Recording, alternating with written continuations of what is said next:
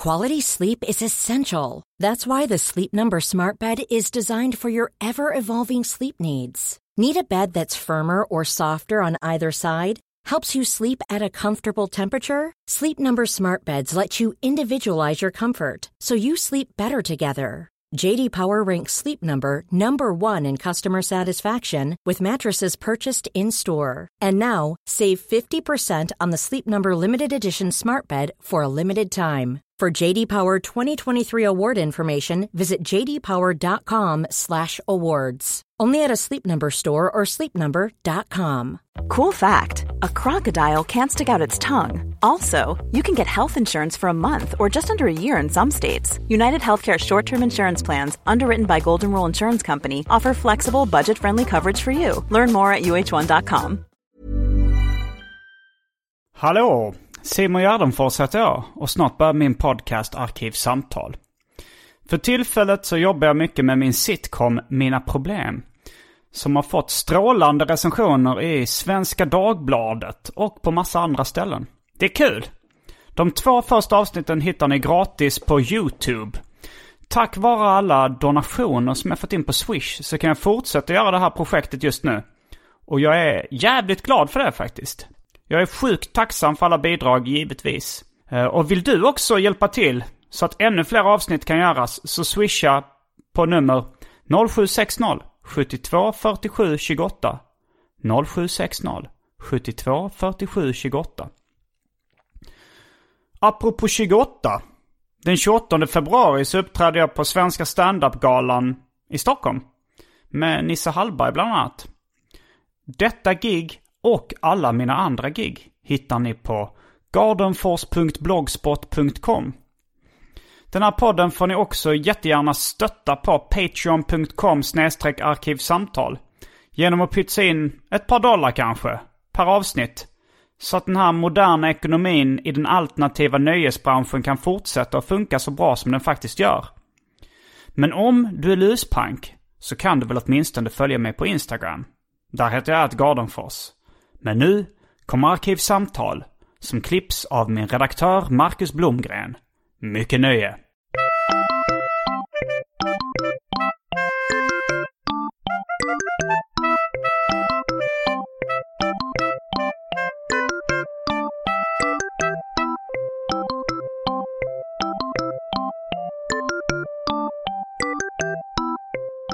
Hej och välkomna till Arkivsamtal. Jag heter Simon Gärdenfors och mitt emot mig sitter Johannes Finnlaugsson. Ja. Vi sitter i en uh, hemmabyggd studio i eh, Los Angeles. I en walk-in closet i en Airbnb-lägenhet i Pico Union nära Koreatown. ja. Enligt Airbnb så var det Koreatown. Enligt vad vi har kollat upp när vi inte sett en enda korean i närheten. Pico Union. Mycket El Salvadorianer. Vi, eh, idag så ska vi prata om eh, amerikansk humor. Det är ett brett ämne. Det är det. Ett jävla Eh, brett ämne. Men eh, jag vet att du är ett fan av amerikansk humor. Ja. Inte all amerikansk humor. Nej. Men, eh, Men mycket. Men skulle du sträcka det till att eh, amerikansk humor är din favorithumor? Om jag ska eh, dela in humor i nationalitet så Mm. är det nog det, ja. Tveklöst. Ehm. Det finns bra svensk humor. Det finns enstaka bra brittisk humor. Andra länder eh, bemästrar språken för dåligt för att eh, avgöra. Mm. Men amerikansk humor finns mycket roligt. De är bra på det. Ja. Eh, och ja, jag är också fan av amerikansk humor. Jag har... eh, har du läst boken eh, The Comedians? Där de tar ett eh, ganska brett grepp om amerikansk humor. Den har en omslag som anspelar på uh, Beatles-skivan Sgt. Peppers. Just det, jag tror jag Någonting har eh, läst bitar av den eh, när jag har slaggat på din soffa eller din uppblåsbara säng. Mm. Min asaklitt. Min... När, när jag har fått uppleva The Asaclit Experience så har jag nog läst in den. Men jag tror inte jag läst den från pärm till pärm. Nej. Eh, men eh, du, du, ja, du, du är lite fixerad vid eh, SNL. Har jag fått för mig. Eller fixerad Mm. kanske jag tar i. Men du Jag pratar om. SNL nästan varje dag. Ja, det, det är ju ofta det kommer upp, eh, ungefär som du har Seinfeld-referenser. Just det. Saturday Night Live ska vi då eh, säga att det är. Ja. Jag har pratat väldigt mycket om Seinfeld i den här podden så Mm. vi kan ju kanske börja med att du beskriver lite vad SNL är för någonting.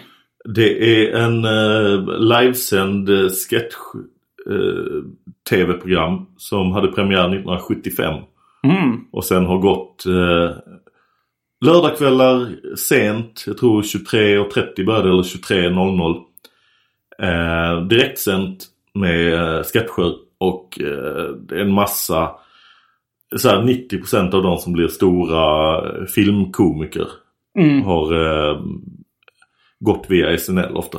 För Will att- Ferrell, Eddie Murphy, eh, Bill Murray, Kristen Wiig, eh, alla möjliga. Chris Rock, Jim Carrey. Ja. Nej, inte Jim Carrey. Nej just det, han blev eh, nekad. Det Ja. finns ett sånt uh, audition tape Just som det. han gör. Som, det är rätt bra tycker jag. Alltså, han, eller ja.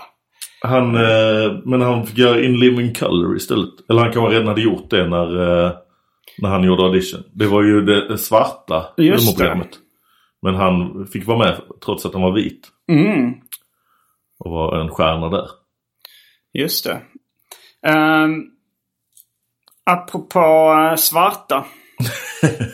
det har blivit dags för det omåttligt populära inslaget Välj drycken.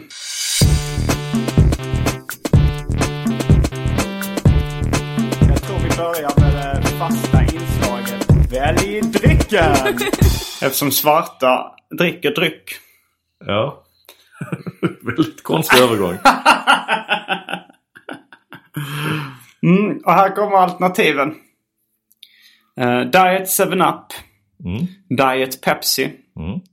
Minute Maid original. Premium original. Det är apelsinjuice. Ja, det är apelsinjuice. Uh, Colt 45. En så kallad 40. Mm. Med malt liquor. Mm. Känd bland annat från uh, Afroman-låten Colt 45. Som lagom till hans skivsläpp bytte ra- namn till Crazy Rap. Var det någon sorts Kikki Danielsson situation?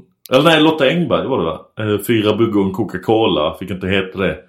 Utan bytte då namn till eh, dans... Boogaloo dansar rock'n'rolla. Just det, är Det det. här, den bytte nog namn till Boogaloo bara. Ja, okej. Men hon sjöng då Boogaloo dansar rock'n'rolla. Ja. För de fick inte ha varumärken då. Fyra bugg och Coca-Cola. Mm. Det att Afroman skulle vara med i Melodifestivalen och inte fick ha varumärkesnamnet Cold 45 Ja, i titeln?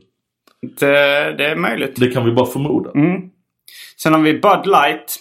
Mm. Förkortning av Budweiser Lightweiser. Eh, Diet Snapple. Uh, Nescafé.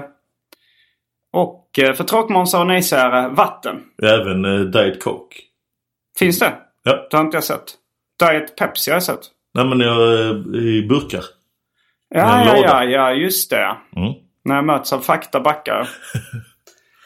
Men eh, tråkmånsar och nejsägare, det sägs att vattnet här ger dig diarré. Så det är lite Mm. att leva on the edge och ta det.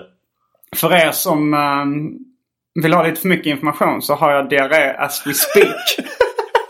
Inte, inte att det rinner ur dig medan vi spelar in detta. Det hade varit obehagligt. Då hade jag faktiskt gått ur den här lilla Men måste garderoben. man, alltså att ha diarré. Måste det vara, har man bara det medan man, medan det rinner ur Det en? lät, när du sa as we speak, så lät det väldigt, eh, väldigt här och nu. Eh, men jag har ju också druckit ganska mycket av eh, vattnet. Ja. Har du, men det har inte du gjort. Eh, nej, inte så mycket. Och du har inte fått diarré. Eh, jag håller någon eh, sorts vanlig semester... Eh, Diarré. ja, men, semesterkonsistens på avföringen. Eh, lite så här... Eh, lite bland... Vad heter den skalan? Bristol Stool Chart. Ja, just det. Jag vet inte. Jag är nummer sju på det. Jag vet, vi kan inte den. Det är nog extremt löst tror jag. Ja, okej. Eh, nej men jag, man dricker ju en, en bunt öl och sånt också. Man är inte helt hälsosam. Det kan ju bero på din diet också bestående i övrigt av... Eh, eh, det är mycket Cheetos. Che- Flaming Hot Cheetos, Fruit Loops Och Flaming Hot XX Extra Hot eh, Ja. Cheetos. och eh, mycket starköl. Ja. En del malt liquor. Eh, Så att det är förmodligen vattnet som är boven i dramat. Mm, men jag tänkte i alla fall ta en uh, Bud Light. Jag tar nog också det. Alltså de här Fordisarna är ju det ballaste alternativet att ta Mm. av det vi har. Men jag vet ju också att de är lite avslagna och Ja. gamla. Så jag tar nog en eh, Bud Light jag också. Jag, jag prioriterar njutning framför att vara flippig den här gången. det är någonting man aldrig ska göra egentligen. Men, men då är vi strax tillbaks med dryckerna. Kända från det omåttligt populära inslaget Välj drycken. Häng med!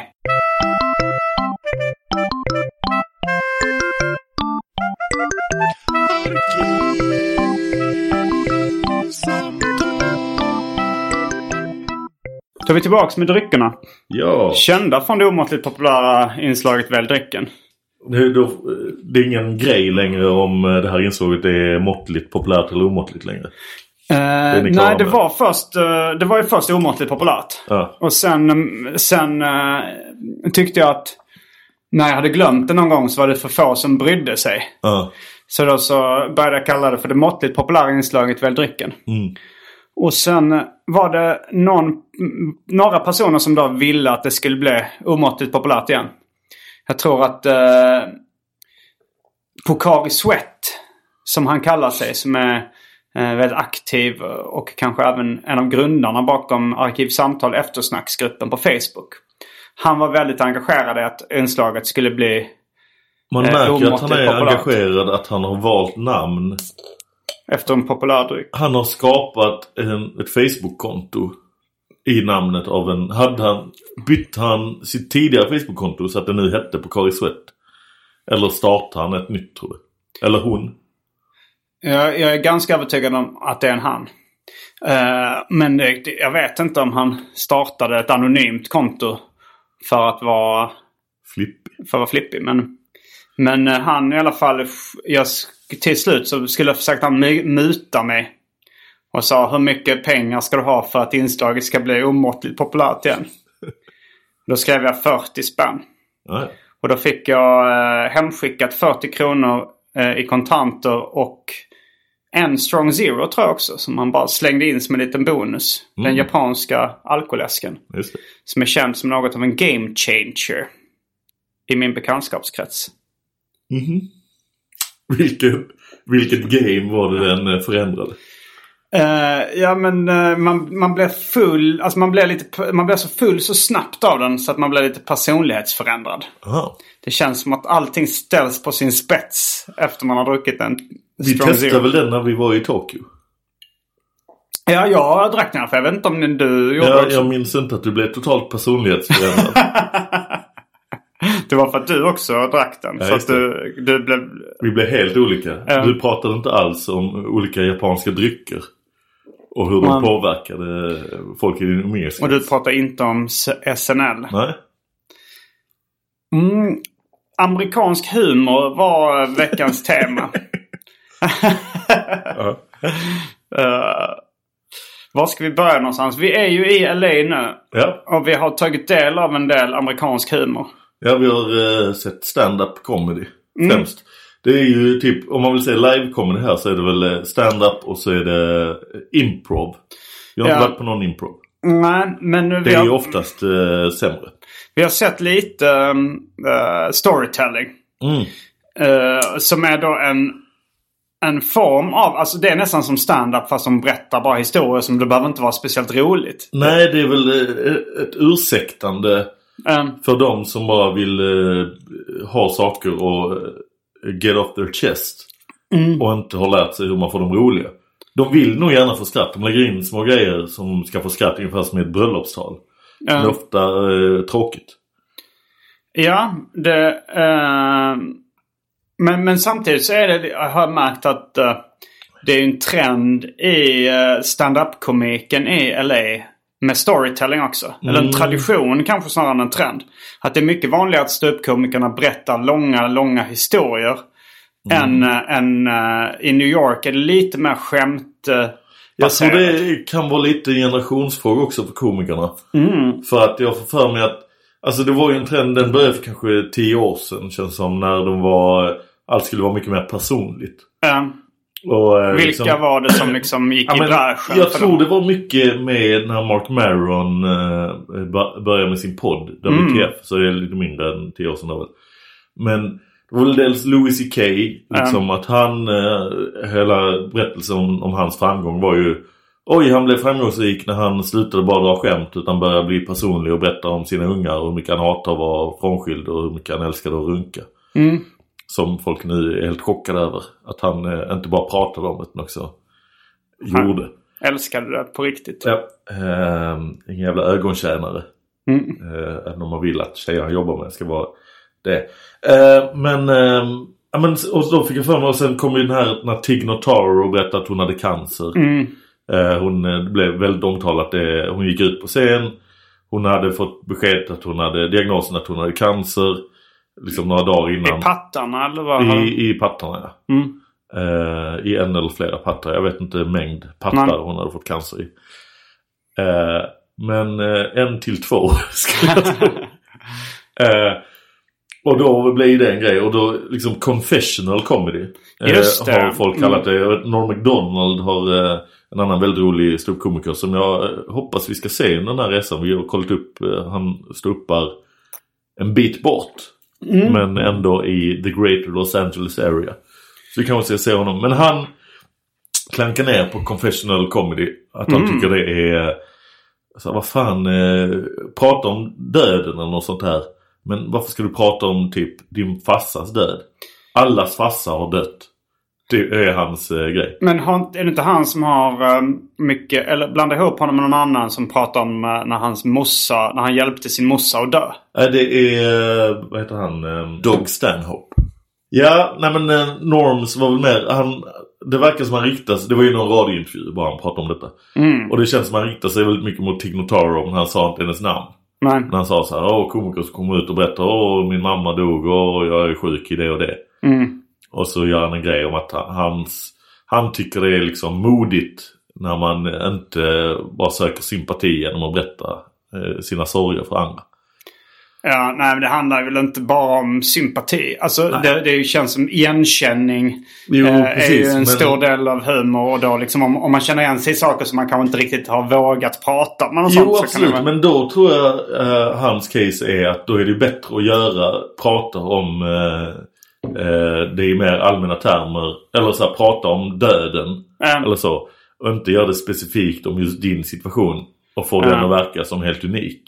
För det är det jag fick för mig eh, så när jag var i New York för några år sedan. Mm. Att man märkte det då att på open micsen så att komikerna hade så jävla få eh, skämt tyckte jag. Mm. Och så få grejer som bara var roliga eh, idéer. Utan det var väldigt mycket att de skulle berätta om sig själva. Mm. Att så här, eh, min eh, syster försökte ta livet av sig eh, för förra året. Mm. Skämt på det. Ja, nej men jag, jag håller inte med Norm att... eller jag tycker att folk ska berätta om det personligt. Alltså så här, om man berättar så här, det här har jag varit med om. Och det, det, det, antyder ju inte att jag är unik. Utan det är snart tvärtom att det här har jag varit med om och jag gissar att väldigt många andra har varit det. Men om jag berättar om mina upplevelser uh, ur det perspektivet. Och det är klart Ja, om man kan, gör det bra så blir det så. Men, jo, man eh, har mycket skämt på det. Det är ju dåligt när man inte har skämt. Men... Jo precis, men jag tycker det är snyggare att kunna kanske prata, eh, få det att kännas eh, personligt och, eh, och liksom eh, eller jag vet inte, jag tycker att trenden eh, var för några år sedan att eh, så himla mycket eh, så här, istället för comedy, något personligt. Mm. Eh, och då tycker jag det blir bara så här, oj vad, du, vad, vad tagen jag blev av att du vågar berätta att du dig i armarna när du var tonåring. Um, Och så. Det ser jag för fan på dina ärr. Du behöver inte stå och berätta på scen. Nej, nej, alltså jag är emot när man inte har skämt. Men jag är för väldigt personligt och väldigt skämttätt. Men jag tror det är grejen till exempel att du då ser det som att här i LA att man mer eh, kör stories. Mm. Att jag tror det är bara liksom nyare komiker när det finns så många komiker som ska konkurrera. Mm. Då måste de eh, nischa sig genom att berätta just deras grejer. Och då Sina blir det mer grejer. eh, stories än att det blir skämt. Liksom. De har inte bara skämt om en brödrost. Utan de måste ha en, eh, något personligt att berätta. Och då blir det mer storytelling än det blir skämt. Ja, vi har sett, uh, jag tänkte på en ståuppkomiker som till exempel Sean White som vi har sett två gånger. Ja. Men han kör ju lite både och. Alltså han, han kör uh, personliga stories. Och sen så uh, kryddar han det ganska mycket med skämt. Eller han i alla fall avslutar med någon form av one-liner om att uh, han har bott i Hongkong. Kommer du ihåg hur skämtet var? Skämtet är att han har bott i Hongkong och det konstigaste med att bo i Hongkong är att det är 12 timmar i framtiden. Mm. Eh, och eh, låt mig berätta för er om framtiden. Bara en massa kineser. Mm. Det var skämtet. Det var ett bra skämt. Ja, det, det var ett bra skämt. Och, um, ja, men han, han känns som en som lyckas kombinera uh, storytelling och one-liners. Han hade också en bra eh, bakgrund om man ska vara eh, sån modern amerikansk komiker. Tragik i bakgrunden. Brorsa död, mamma död.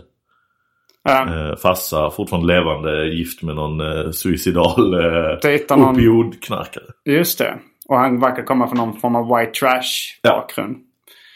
Um, nej men jag tyckte att det var... eh, alltså speciellt om man jämför med Sverige också så är det mycket längre historier. Och de Ja. liksom komikerna verkar avsluta med... eh, avsluta med... Liksom, deras bättre, bästa, liksom deras closers som de avslutar med är ofta en lång, lång anekdot. Ja. Som är rätt likt storytelling. Men om vi då ska ta det tillbaks till eh, stand-upens eh, vagga eller vad man ska säga i amerikansk humor. Mm. Så var det ju en del one-liner komiker som sa Henny Youngman till exempel. Take my wife, please. Mm, det är är han. mest känd för. Jag tror han spelade ganska mycket fiol också. Han är också lite mindre känd för. Ja, men han spelade fiol och så drog han one-liners mellan. Han kan alltså istället för... Han kanske liksom spelar små vignetter mellan sina skämt. Mm. Eh, jag har bara hört någon rätt risig inspelning med honom. Men eh, det var roliga skämt. Han var en... det var någon som beskrev honom som en här typisk judisk komiker som gjorde 300 gig om året. I The Catskills. Det tror jag att han gjorde. Catskills Mountains var... Det var ju ett turistområde som... Det var väldigt mycket judiska pensionärer och eh, judiska familjer i allmänhet som liksom turistade i Catskills. Det är väl ett berg då, bergsområde ovanför New York State tror jag. Mm. Och eh, dit åkte många ståuppkomiker i då, när man, var det på På det, 50-talet de, kanske? på det de på engelska inte kallar afterski. Mm. Kanske. Här var det skid... Jag tror mer att det var en... För det var på sommaren också. Ja, okej. Har du sett eh, eh, filmen Dirty Dancing? Eh, nej. Men den utspelar sig i Catskills. Ja. Och Jo, där, men är liksom, det, är ju inte en skidsemester med på det. Utan Nej. det är ju liksom bara... Jag får för mig att det Mm. kan vara sån... Eh, om man åkte dit på vintern, kanske lite skidor. Kanske. Om man åkte dit på sommaren, eh, trevligt häng. Ja, Jag vet inte, jag har inte varit där. Nej, inte jag heller. Och jag tror inte stand-up är så lika stort där längre. Nej. Men det var väl, eh, och Henny Youngman och de var väl i traditionen då att en massa one-liners. Mm. Och sen på den tiden var det väl också att de inte var supernoga med vem som hade skrivit vad. Utan de drog vitsar. Ja, det var väl... De, de kanske såg sig mer som coverband då. De skulle underhålla en publik. Och det var inte lika viktigt att vara origin, alltså personlig eller ha skrivit allt materialet själv. Nej, precis. Utan det viktigaste är bara för gamlingarna att skratta. Ja. Eh, men sen eh, en person som var väldigt eh, betydelsefull i utvecklingen att göra stand-up mer personlig. Eh, det var en, eh, en man som du... Jag, jag övertalade dig lite att köpa en biografi av honom Mm. nu.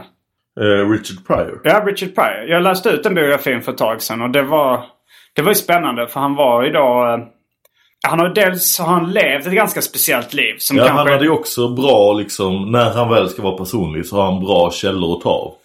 Han Han- har liksom eh, eh, född på bordell. Ja, han växte upp i ett horhus. Eller på en bordell och hans eh, mamma var väl eh, bordellmamma före detta prostituerad. Och Hans, hans, pappa var bordellpappa. Ja. och eh, ja men hallick. Och det, men det fanns... eh, det var ju väldigt, väldigt uh, mörkt. Alltså, jag tror inte... Dels kanske inte han visste de...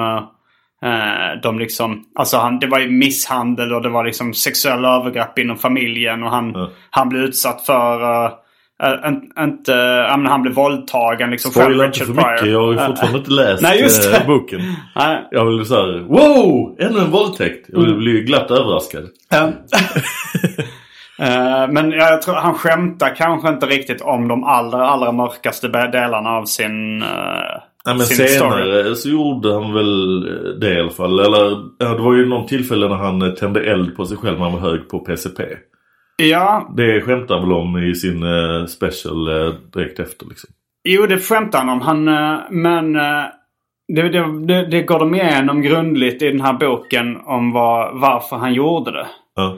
Eh, varför han tände eld på sig själv. Det var att han freebasade och något gick fel. Alltså jag tror att han knappt var speciellt hög när han gjorde det. Okej. Att, eh, att det var bara, det var bara så här ett... eh, En flippig grej. ja, en flippig grej. Att han var så spontan liksom. det låter jättekonstigt. Att det var en act of improvisation. Ja, ja. Men att efter det så vågade han inte riktigt vara lika spontan. Och då blev Det, han... Apropå, det, det är en jätterolig... Eh, jag tror det är i WTF-avsnittet. eh, Då, Mm. eh, WTF är den här podden som alla komiker som vill... Ja, Mark Marons eh, på intervjupodd. Ja. Eh, Förlagan till Värvet skulle man kunna säga. Ja, precis. Eh, och precis som Värvet. Eh, mindre intressant när det inte handlar om komiker. Eller för, för mig. Men när han pratar med Robin Williams. Ja. Så, så nämner de något om någon, någon gammal komiker eh, som de halvkände eller så här, någon bekant. Och så säger en av dem så, just det, Robin Williams säger så här. Eh, du vet han, eh, han tände eld på sig. Eh, och då får jag Mark Mellon så här, eh, you mean to close? Alltså att, han, alltså att han trodde att det var så han avslutade sitt sätt. så bara, nej, nej, nej, alltså i verkliga livet. Han försökte ta livet av sig. Men var det Richard Pryor de Nej, det var, det var någon annan. Det är fler som har... Ja, ja, ja, ja, för det hade väl Mark Brown vetat att det var Richard Pryor tände eld på. Men det var någon som bara så här. de bara så va? Alltså de blandade ihop om man gjorde på scen. Det var inte på scen. Det är svårt att följa annars. Man, det är bra att ha det som closer. Så kommer komikern efter. Så vad fan ska jag göra? Jag tänkte på det apropå uh, humor i Amerika och uh, psykisk ohälsa. Mm. Vi satt och slötittade lite på TV häromdagen. Just det. Och eh, då bara så, det, var, det var något nyhetsprogram tror jag eller någonting. Ja, det var lokala nyheter. Och då så handlade det bara om, uh, helt plötsligt så, fan det handlar om stand-up. Ja. Och då var det ju så, man såg direkt att det var deppigt sånt här. Det har, har jag sett i Sverige också. Att eh, någon lokal reporter går på så här.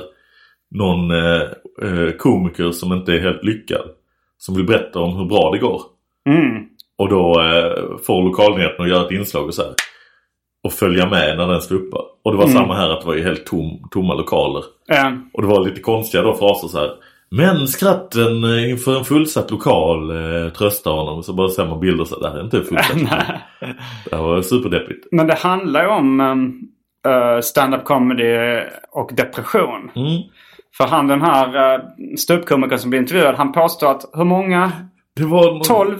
Jätte, ja, dussintals tror jag han sa. Eh, Av hans vänner hade tagit livet av sig. Som också var stand-up-komiker. Ja. Det inslaget börjar ju bara som att det var så här. Vi följer den här killen, han håller på med comedy och han har eh, tidigare varit deprimerad men nu blir han glad för att han håller på med stand-up. Och han skämtar om sin depression. Ja. Liksom. Ja. Sen helt plötsligt eh, säger han det om att eh, dussintals av hans vänner tagit livet av sig. Och sen har de en intervju med en psykolog. Mm. Eller en psykoterapeut eller något. Som jobbar specifikt med komiker som är Var, det, deprimerade. var det specifikt med komiker? Ja, alltså, i alla fall hade Ja. hon det som expertområde. Hon kan Ja. jobba med annat också. Men eh, det var, hon eh, uttalade sig som expert. Ja. Om att många av de här komikerna eh, är deprimerade och... Ja, och hennes, hennes teori det var... Hon sa att väldigt många komiker är intelligenta. Mm. Intelligentare än uh, genomsnittet av befolkningen. Och då får de för sig att eh, de inte behöver söka hjälp. Nej. Att de själva kan då eh, komma ur sin depression på egen hand eftersom de känner sig smarta. Ja. Men att det då leder till eh, ökad risk för självmord och så vidare. Men det är kanske också det här... Eh, om vi jämför som vi nämnde stand-up kontra improv. Mm. Så är stand-up mycket sologrejer. Ja. I improv är det ju ett gäng. Mm. Så det är kanske inte bara att komiker är, är smartare och därför inte söker hjälp. Utan man kan bli ståuppare om man vill göra saker på egen hand. Kanske det. Men jag tycker ändå det finns väldigt mycket gemenskap inom stand-up. Ja, Alltså eh, som Wilmer X uttryckte det. Du kan glömma dina ensamma stunder. Ja. Eh, nej, men jag, när jag, innan jag började med stand-up så kunde jag ha mycket mer ens, ofrivilliga ensamma stunder. Ja. Eh, men nu så kan man alltid, om man bor i Stockholm kan man alltid gå ner till en standupklubb, till exempel Big Ben. Och träffa massa andra komiker som man känner. Ja. Det Och få känns ju... sällskap. Och då, då mår jag ju psykiskt bättre om jag mår dåligt. Och Ja, det är känner lite mig som en fritidsgård. Ja, verkligen. Ja. Det är konstigt eh, att du citerar den låten. Den Det är går väl- teknikens under tror jag den heter. Ja, för där är det, det är också konstig timing när den kom. För det Ja. är ju, du kan glömma dina ensamma stunder, du kan lita på tekniken. För det var innan sociala medier. Ja, det, Ja. det passar jättebra. Typ när internet kom och Ja, det kom på sociala medier. 80-talet. Men den kom ju liksom, nu finns faxen. Ja, du, vad syftar de på det är väldigt konstigt. Och så bara att han var väldigt framkant och såg framför sig vad internet skulle leda till. Han såg bortom år 2000. Wilma Pitt. Eh, men, uh, nej, men så jag menar ju att, eh, att det är ett botemedel lite mot uh, psykisk ohälsa också. Mm. Men just det här att uh, vara väldigt smart och uh, tro att man inte behöver söka hjälp. Det påminner mig om en komiker i humorgruppen Specialisterna. som inte heter Albin Olsson. Ja, just det. Men, men, jag, men jag kommer tänka på det också så här, men hur smart är man egentligen då ifall man inte förstår vad som är bäst för sig själv? Men det finns ju så många olika sorters intelligens. Va? Bobby Fischer. Mm. Geni. Ja. Men inte socialt. Inte, Nej, nej inte vad det. gällde att, att sortera konspirationsteorier från riktiga teorier och så vidare. Jätteduktig på schack. Ja, Bobby Fischer var en av de bästa schackspelarna genom tiderna. Stephen Hawking. Eh, Mm. Jättebra på teorier kring, eh, kring svarta hål. Mm. Dålig på rundpingis. Ja, det kan inte både på låg intelligens. Nej, det är sant på- kanske. Det, vet, det är svårt att veta. Om det är hans springförmåga. Eller Ja. hans... Nej, men, Dåliga eh, bollsinne. men är dålig på att välja partner kanske. Det snackades om att hans fru slog honom. Ja, han kan väl tända på det. Kanske. Det mycket vi inte vet. Ja. Det är mycket som hans dator bara sa i in private-läge. Eh, eh, nej men så det var ju ett spännande inslag eh, som kom på tv. Ja. Eh, men det verkar vara, ja jag vet inte. Jag tycker de flesta när man lär känna folk på djupet, väldigt, väldigt många mår psykiskt dåligt. Det är inte bara komiker. Nej. Jag tror det är lite, De som mår bra lär du aldrig känna på djupet kanske. De har inget djup. De bara mår bra. eh, Jesper Röndahl. Ingen lär känna honom på djupet för att han bara mår bra. Nej, jag tyckte det var en väldigt rolig eh, del i roasten av Jesper Rönndahl. När, eh, den kan ni för övrigt se. Den, den kostar väl att se på bakom betalvägg på Ja. under, underproduktion.se. Ja.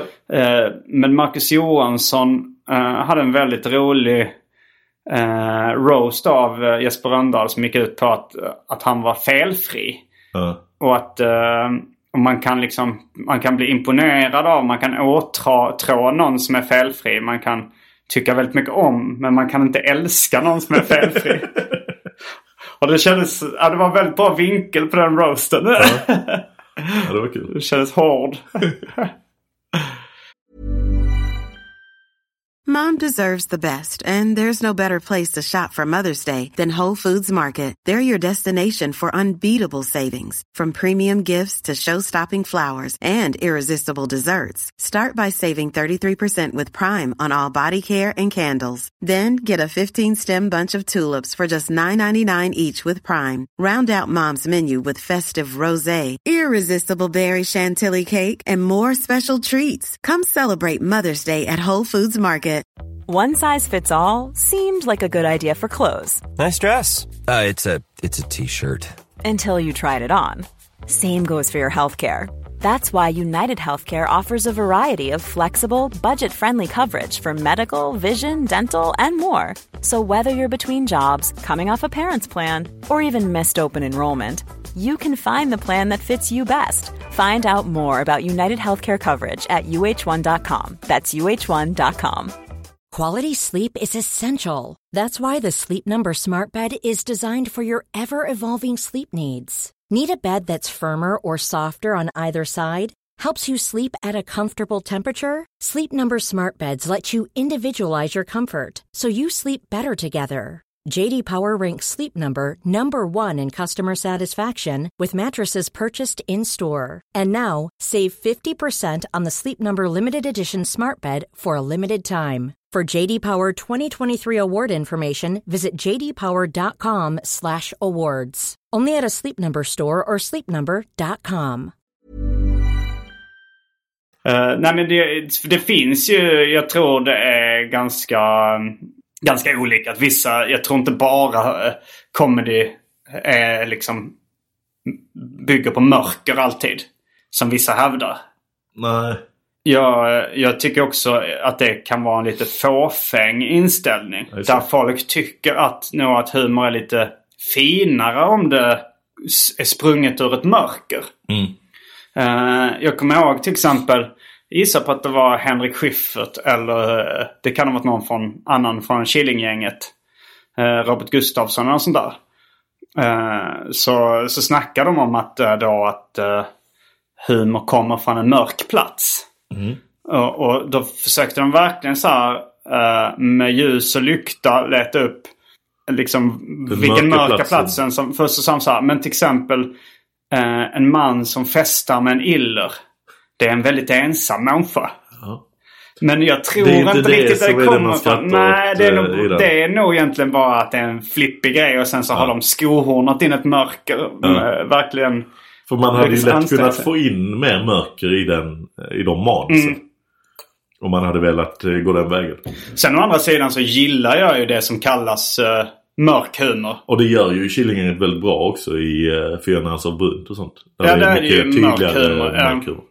Jo, det gör de också. Men jag gillar ju, jag gillar ju humor när, alltså den typen av chockhumor och rå humor och sånt är ju någon form av mörk humor också. Ja. Kanske det som ibland förr kallades för galghumor. Ja. För att man skämtar så mycket om döden. För att man skämtar så mycket om illegal abort. Eh, men eh, det vet jag inte riktigt varför. Eh, det, är nog, det, det är nog bara för att jag tycker att man skruvar upp volymen på humorn på något sätt. Mm. Alltså när man, när man skämtar om de grövsta, de största tabuerna När som finns just nu. too soon-skämt till exempel. Ja, det, det har ju du gjort dig känd för. Eller skämtar om... eh, Sexuella övergrepp mot barn. Ja. Men där tycker jag, ehm, du är ju i, i den eh, kategorin som skämtar mycket om eh, sexuella övergrepp mot barn. Ja, periodvis gör jag väl det mycket. Och jag kan tycka att den genren i svensk comedy Mm. har blivit så tydlig tramsigt skämt, tramsiga skämt. Mm. Att det inte känns som när någon snackar så, oh jag så hård, eh, mörk humor. Mm. Och så är det ett skämt om att den är pedofil.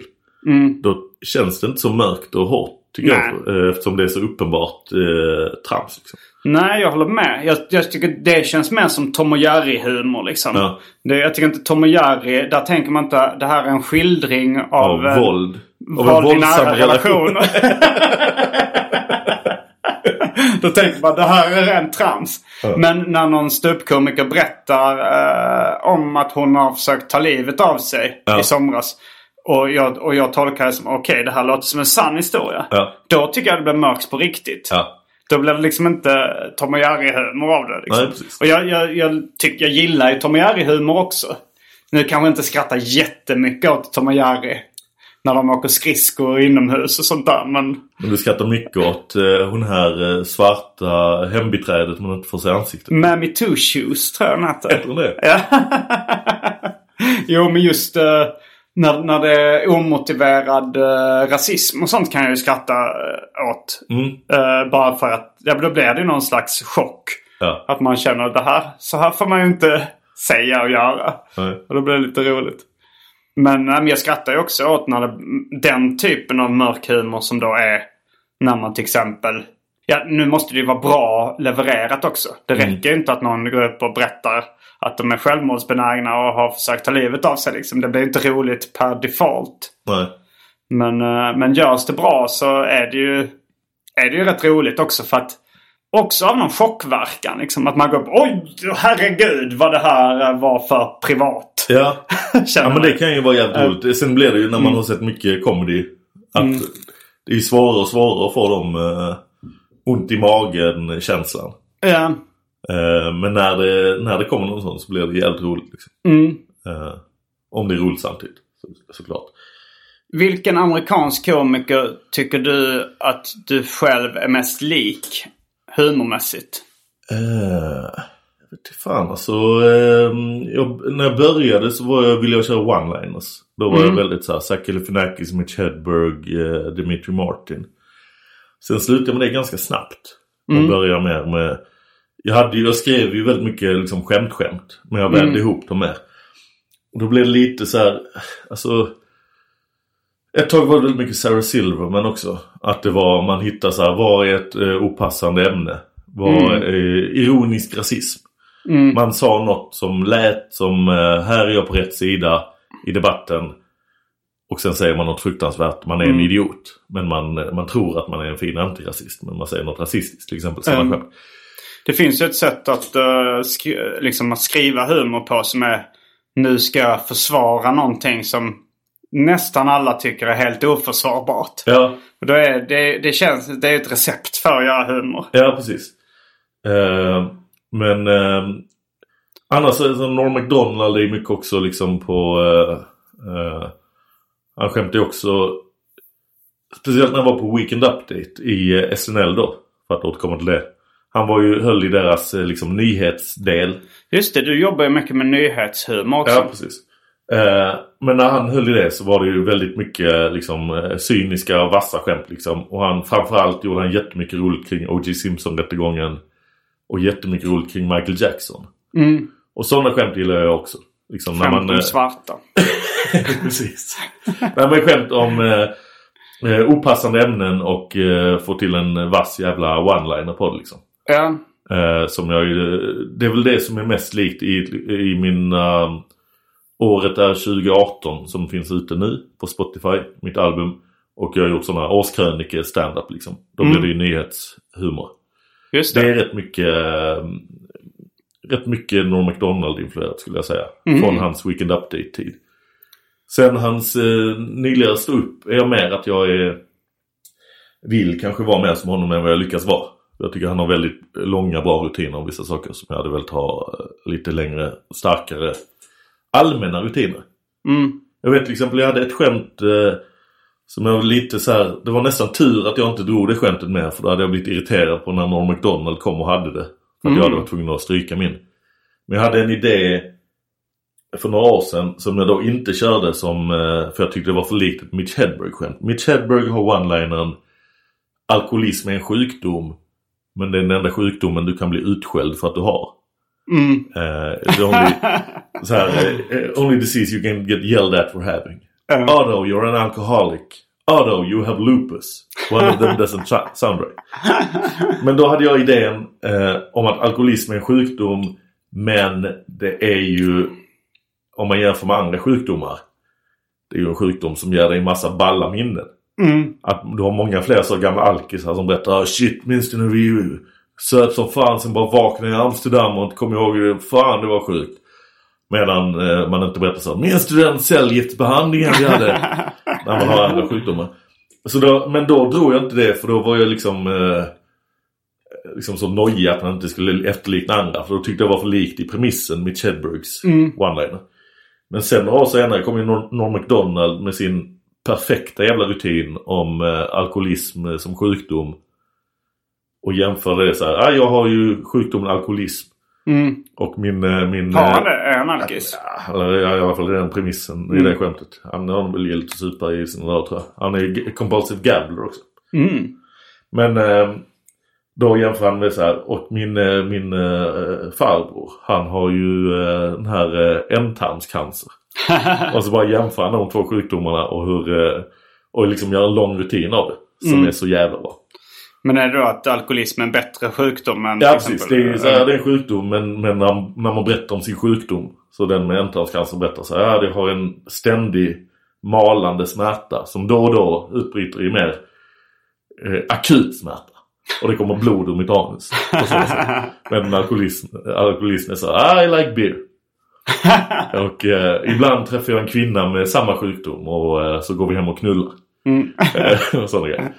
Så där var det ju en sån att jag blev irriterad mig själv så när jag hörde den rutinen. Att varför tog jag inte den och försökte göra den bra för några år sedan. Mm. Istället för att stanna vid, vid eh, tanken det är för likt mitt Hedbergs.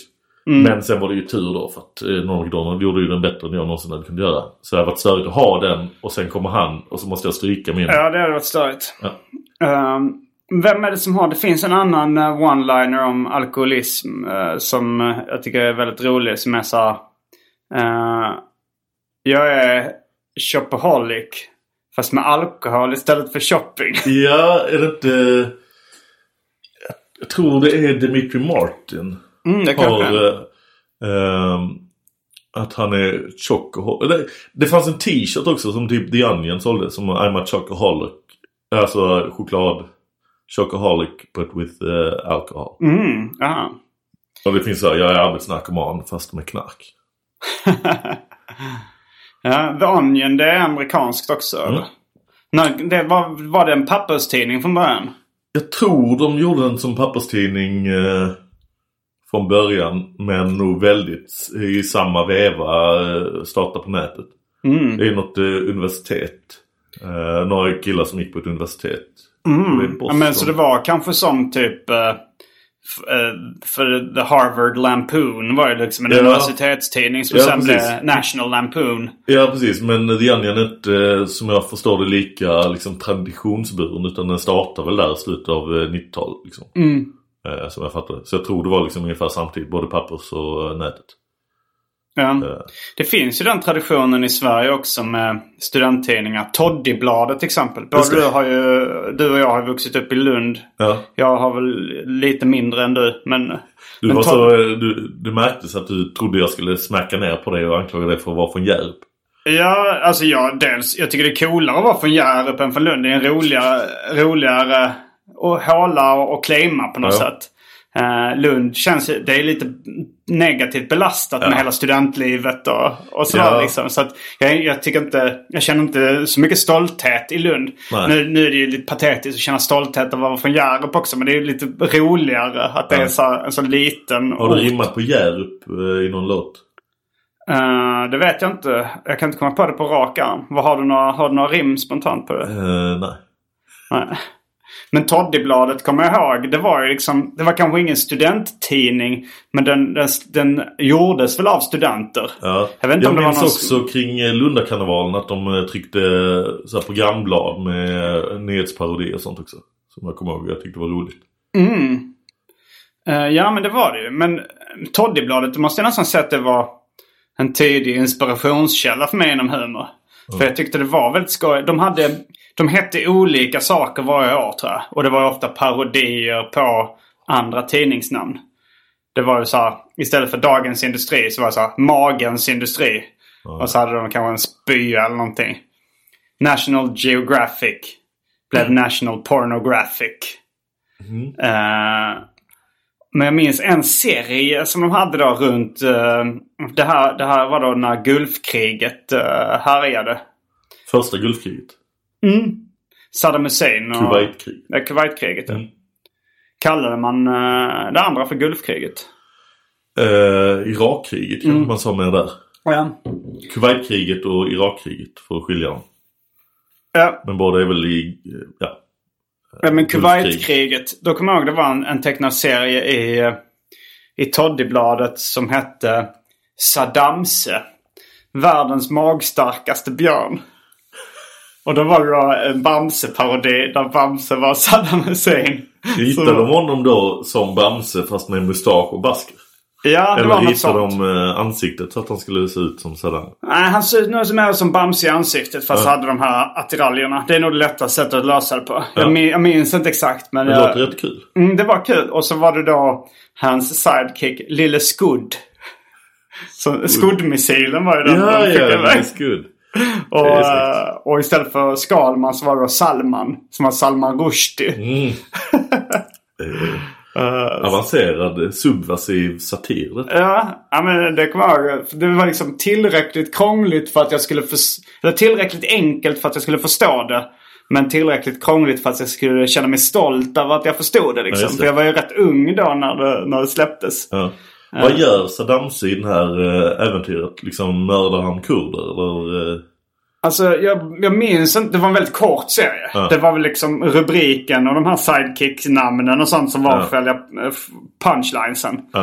Eh, men, eh, men det var någonting med eh, att Salman, Salman då klottrade någonting på väggen. Jag kommer inte ihåg Mm. exakt vad det var.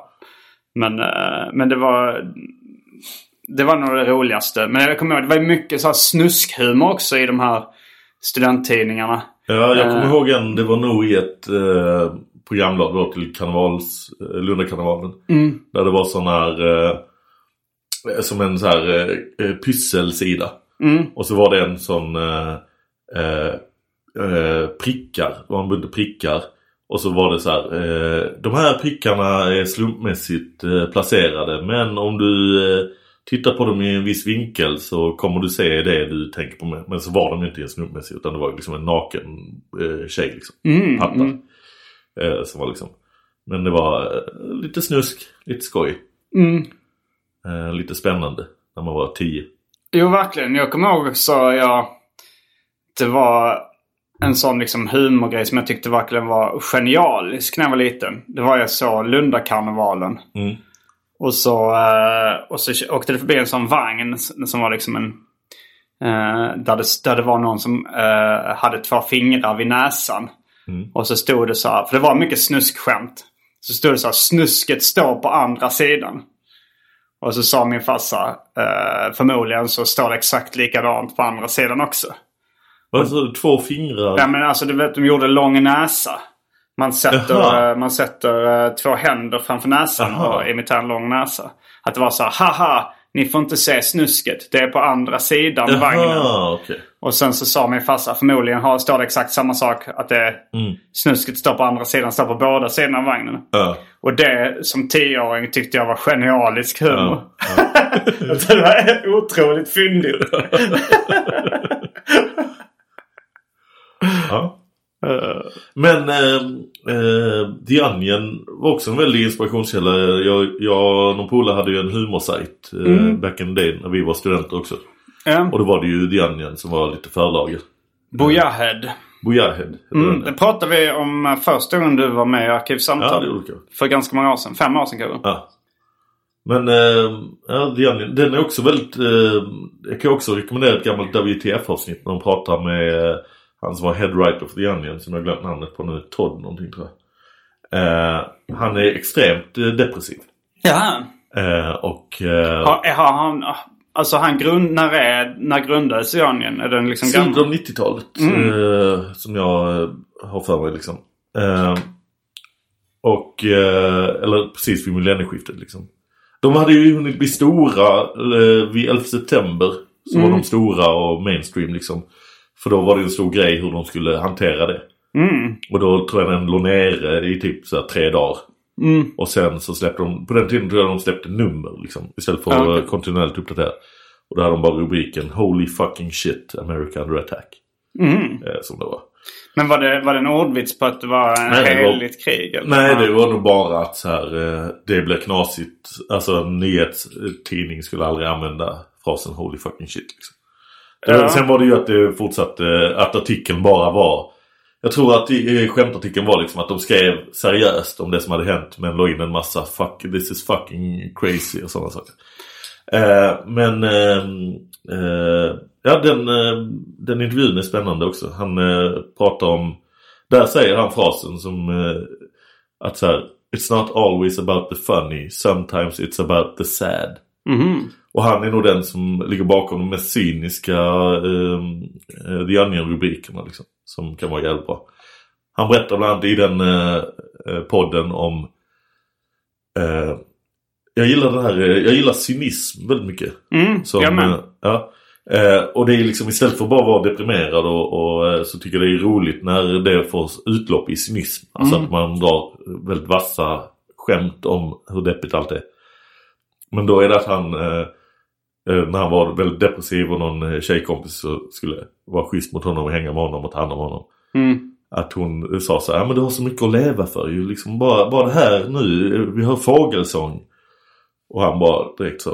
eh, Det är inte sång, det är de som signalerar eh, revir och eh, det är att eh, förmodligen är den här fågeln eh, arg på en annan fågel för att den...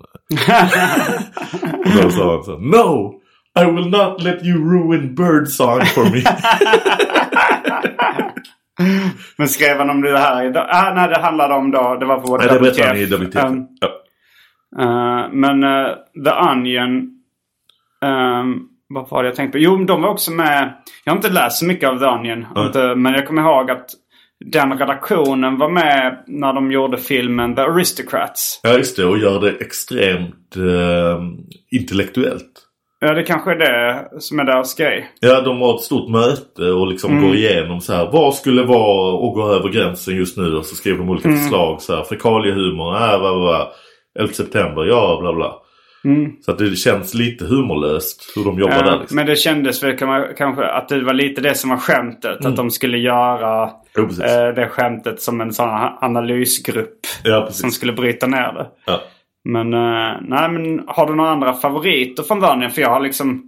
eh, jag har inte sett så mycket av det. Jag har mest... Det, det, Ja, men nej, vi- Typ David Liljemark och folk som har, har så sagt att det inte är bra. Så då har jag inte orkat kolla upp det. Ja, Jag tycker det är... Jag, jag följer inte lika eh, noggrant längre. Det- kollar du på alla avsnitt av SNL som släpps nu? Eh, ja, men ibland skummar jag igenom när jag märker att en sketch inte är bra. Mm. Så bara klickar jag förbi den och så. Men, eh, eh, nej, men med The Onion tycker jag fortfarande det är bra på att man har vant sig så jävla mycket vid formatet. Så att det är ofta inte så kul. Men, eh, Att man fattar eh, Ja, liksom- konceptet. ja precis. Men eh, så då är det istället bara roligt med vissa tramsiga rubriker. Jag kommer ihåg en gammal som var eh, eh, Black neighborhood terrorized by ask murderer. Skämt då att de alltid uttalar ax av någon anledning. Ja. Ehm, men jag kommer ihåg de väldigt tidiga The Onion som var... eh, Från 90-talet. eller, nej, detta var tidigt 00. Det var när jag gick i gymnasiet. Eh, så Men du det var- läste dem på nätet då? Ja, det fanns på nät. Liksom. Eh, då var det liksom eh, ett enkla skämt så här nu men att eh, var det en artikel som var väldigt rolig om eh, hur forskare hade kommit fram, eller så här, eh, mänskliga barn är dumma i huvudet. Att så här, eh, eh, och så var artikeln bara liksom långa beskrivningar av alltså här, att eh, en tre månaders bebis eh, lades ut i regnet. Så att dagmaskar som bara var tre dagar gamla fattade att de skulle krypa ner under jord. Men, medan barn bara låg där och till det drunknade av, av regnvatten. Och så, det var liksom helt enkelt bara att dog en massa barn i det här. Men det var skrivet som en vetenskaplig artikel om att barn inte, att mänskliga barn är så mycket efterutvecklade än djur liksom. Uh, Så det känns ju som en bara ståupppremiss som hade varit... Eh, jo men det är att bara, människobarn inte kan ta hand om sig själva. Ja, för de blir ganska gamla. ja. Eh, Och sen var det en artikel om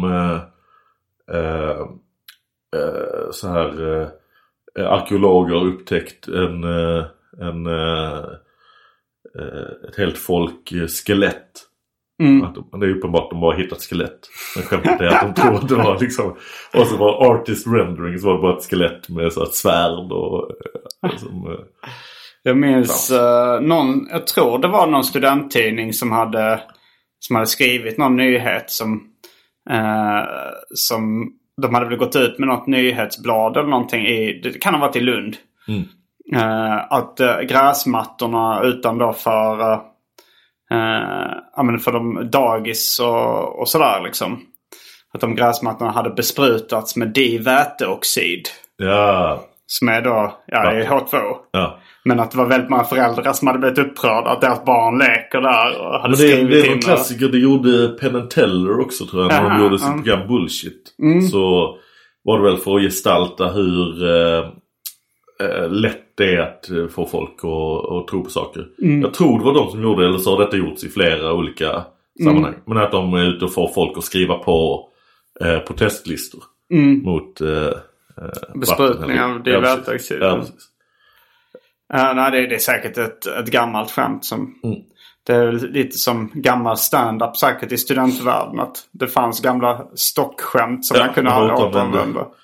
Någon hade hört det från en gammal överliggare. Och Ja. trodde att det skämtet kan vi ju ta med här. Man har hört det från Sam Ask. Det var en smal referens inom Lunds studentliv. Mm. Det, det, var väl någon, det var väl någon sån gammal eh, eller han var väl inte gammal på den tiden, men en, en tjock man som eh, drog skämt och, och var en god konversatör i Lund. Som folk bjöd in till sina gasmiddagar. Så här kunde han stå och, och, och vara rolig liksom. Det var väl eh, Undrar vad han gjorde civilt. Samask. Ja. Vad han jobbade med. Ja, eller Han vad- var väl en alltså, sån han var väl överliggare men alltså Mm. sen när de slutade att folk kunde plugga i evigheter liksom. Ja, Om man någonsin skaffat ett riktigt jobb.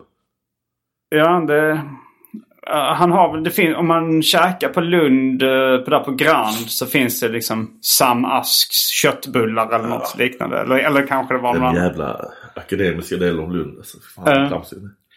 Ja, ja nej, jag, jag har ju också väldigt blandade känslor inför Lund. Alltså Ja. så här, dels alltså, så här, det studentikosa känner jag ett, ett spontant förakt mot. Ja. Men samtidigt så har, har jag ändå Man har full förståelse för att det är kul när man är inne i det. Ja, och som barn när jag var mindre Ja. kritisk så tyckte jag liksom studentspex, alltså när man sa så Djingis khan-spexen och sånt, att det var jätte, jätteroligt. Ja.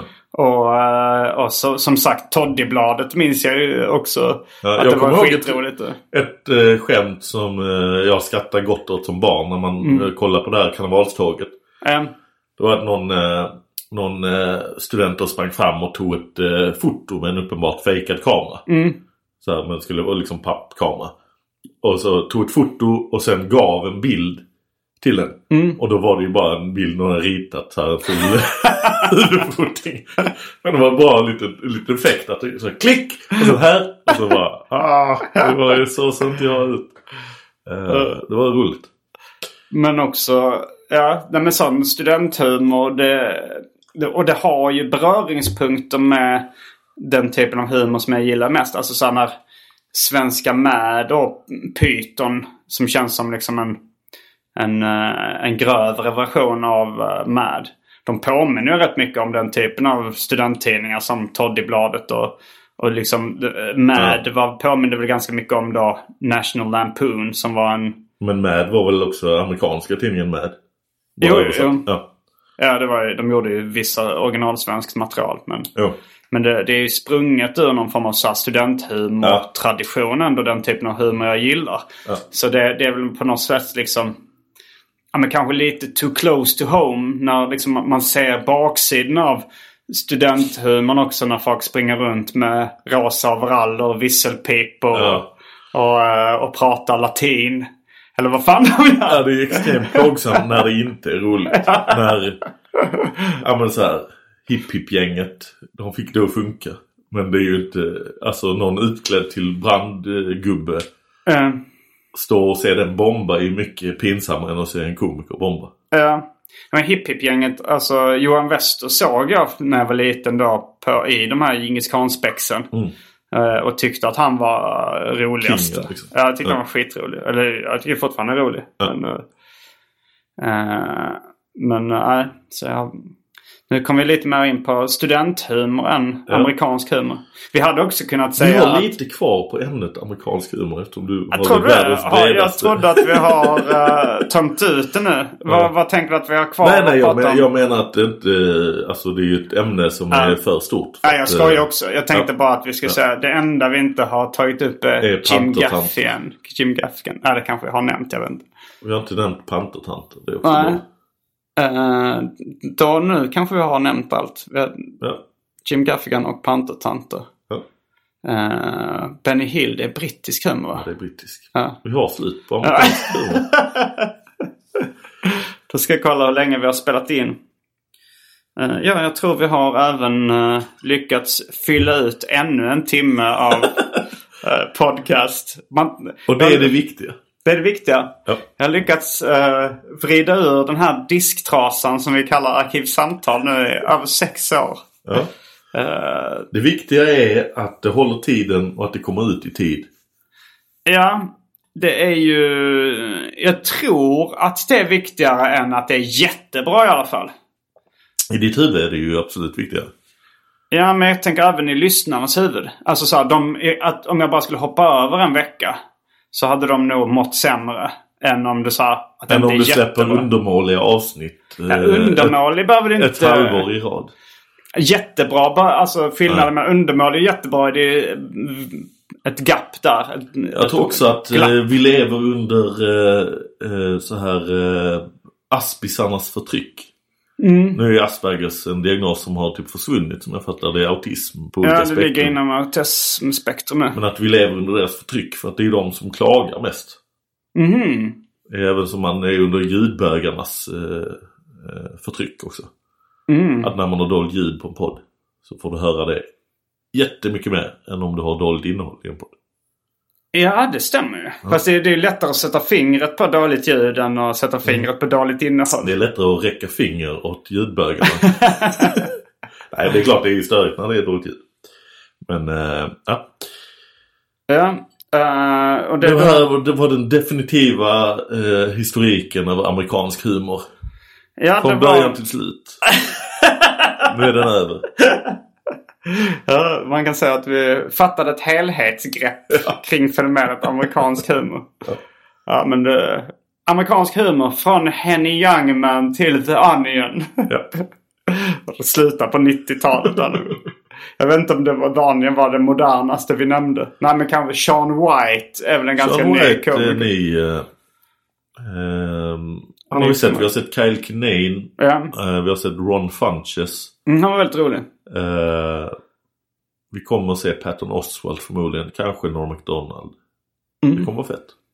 Ja. Vi har det bra här i LA. Comedymässigt. Ja, och även eh, bra utsikt. Det också. Vi kan se Hollywood-skylten Mm. på långt, långt avstånd. Men för att avsluta med en eh, liten blinkning åt en svensk humorfilm. Mm. Vi hade i alla fall otur med vädret. Det hade vi. Var inte så avundsjuka på oss. Det är ibland lite halvbra väder. Det är ibland lite regnigt. Fast det, nu är det sol. Ja, Men bara, bara 16 grader som de säger i Örebro. Idag ja. idag. Ja. Det var allt från veckans avsnitt av Arkivsamtal. Får jag eh, nämna att man gärna får lyssna på min eh, comedy-skiva. Det har du redan gjort men eh, du kan ja, nämna men det jag igen. vill nämna det igen. Så här Ja. nu när man avslutar avsnittet och vill ha Ja. något att lyssna på. Då går man in på Spotify och söker på Johannes Finnlaugsson eller på året är 2018. Och hör mig skämta om allt som hände 2018.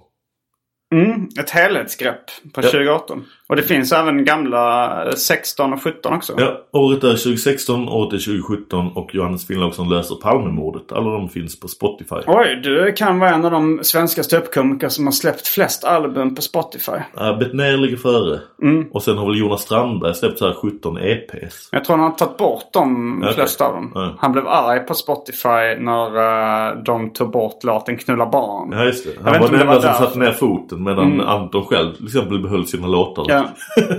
men... eh, ja men... eh, Ja. Ingen kan göra allt men alla kan göra något. Ja. Alla kan ta bort sina EP som med ostskämt.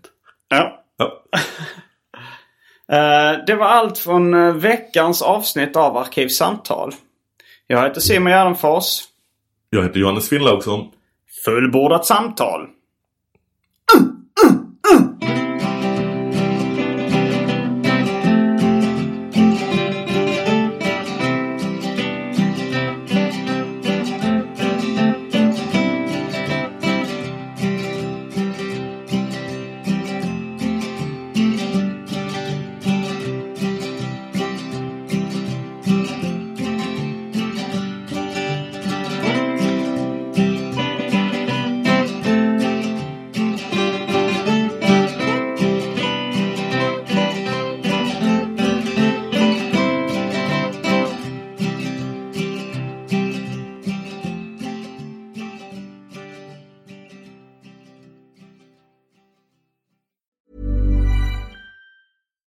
Deserves the best, and there's no better place to shop for Mother's Day than Whole Foods Market. They're your destination for unbeatable savings, from premium gifts to show-stopping flowers and irresistible desserts. Start by saving 33% with Prime on all body care and candles. Then get a 15-stem bunch of tulips for just $9.99 each with Prime. Round out Mom's menu with festive rosé, irresistible berry chantilly cake, and more special treats. Come celebrate Mother's Day at Whole Foods Market. Planning for your next trip?